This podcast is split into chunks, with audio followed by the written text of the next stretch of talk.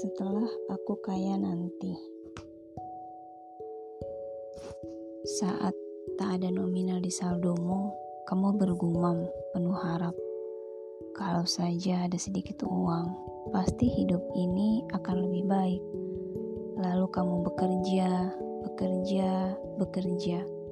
Kini sudah ada nominal di saldomu. Sudah sekian juta. Lalu kamu bergumam penuh harap. Coba kalau tabunganku menyentuh angka 20 juta, pasti bisa lebih stabil. Lalu kamu bekerja, bekerja, bekerja. Kini angka 20 juta telah nampak di layar informasi saldo. Lalu kamu bergumam penuh harap. Kalau sudah 40 juta, baru benar-benar tenang. Gak perlu mikir masalah duit lagi Kini angka 40 juta telah nampak di layar informasi saldo. Lalu kamu bergumam penuh harap. Mungkin aku butuh 100 juta supaya terbebas dari rasa khawatir kehabisan uang. Kini angka 100 juta telah tampak di layar informasi saldo. Angka itu bertahan lama di saldomu. Kamu jaga-jaga supaya tak terlalu terpakai. Nanti saja mungkin untuk investasi, mungkin untuk beli rumah, mungkin untuk buka usaha. Namun di pertengahan jalan ada tagihan dan kebutuhan mendesak yang perlu kamu bayar. Bukan nominal yang sedikit, saldomu berkurang, tak lagi ratusan juta, mungkin dalam hitungan puluhan juta, dan kamu merasa, aduh duitku tinggal sedikit. Puluhan juta dan kamu merasa begitu. Memang puluhan juta itu bisa jadi relatif, bahkan bagi sebagian orang. Namun, ini masalahnya terbiasa dan bersyukur. Kamu telah terbiasa memiliki uang ratusan juta, sehingga puluhan juta yang sebenarnya tak sedikit-sedikit amat terasa baru dan sedikit. Lalu, sekarang kamu bergumam penuh harap kalau aku punya lebih, aku bakal lebih banyak bersedekah.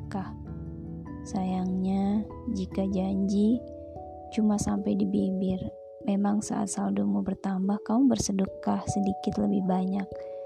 Tetapi sudah di awal-awal saja. Selanjutnya, setiap kali ingin bersedekah, kamu dibayangi-bayangi oleh rasa takut dan kemiskinan. Dan sekarang mengecek saldo terasa begitu memilukan sebab setiap harinya saldomu selalu berkurang, berkurang, berkurang, dan berkurang. Hatimu tidak senang jika tak melihat ratusan juta di saldo. Hatimu gusar saat puluhan juta tersisa di saldo, hingga kamu bergumam, satu miliar mungkin baru bebas kali ya. Namun suatu saat nanti satu miliar atau bahkan dua miliar akan berada di saldomu tetapi kamu akan senantiasa berpikir, eh bentar lagi bisa beli tanah nih, lumayan buat investasi, begitu, begitu seterusnya.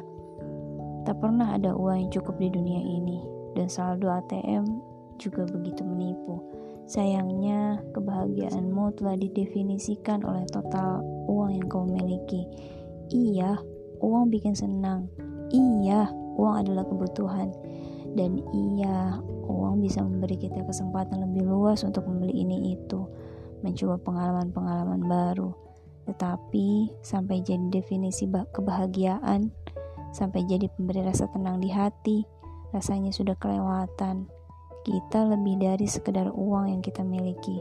We are more than money we have. Lucu sekali miris. Uang sebuah benda mati, jadi pengontrol kebahagiaan kita. Memang kita ingin, kita tak ingin uang mengatur hidup kita sampai segininya. Dan ada caranya. Ada satu cara untuk meninggikan posisi kita dan menempatkan uang berada di posisinya. Tidak setinggi ini dan tidak seberkuasa ini dikontrol kita. Setiap kali kau merasa uangmu semakin berkurang, bodoh amatlah, tarik uangmu, bersedekahlah, Tunaikan hak-hak yang perlu ditunaikan dari uang itu. Jangan biarkan uang itu jadi raja di rekeningmu. Tarik dia, gunakan dia, lepaskan dia. Tentu tak perlu menarik semua uangmu. Kebutuhan kita tetap jadi prioritas. Namun, kali ini jangan biarkan keinginan punya banyak uang sebagai prioritas.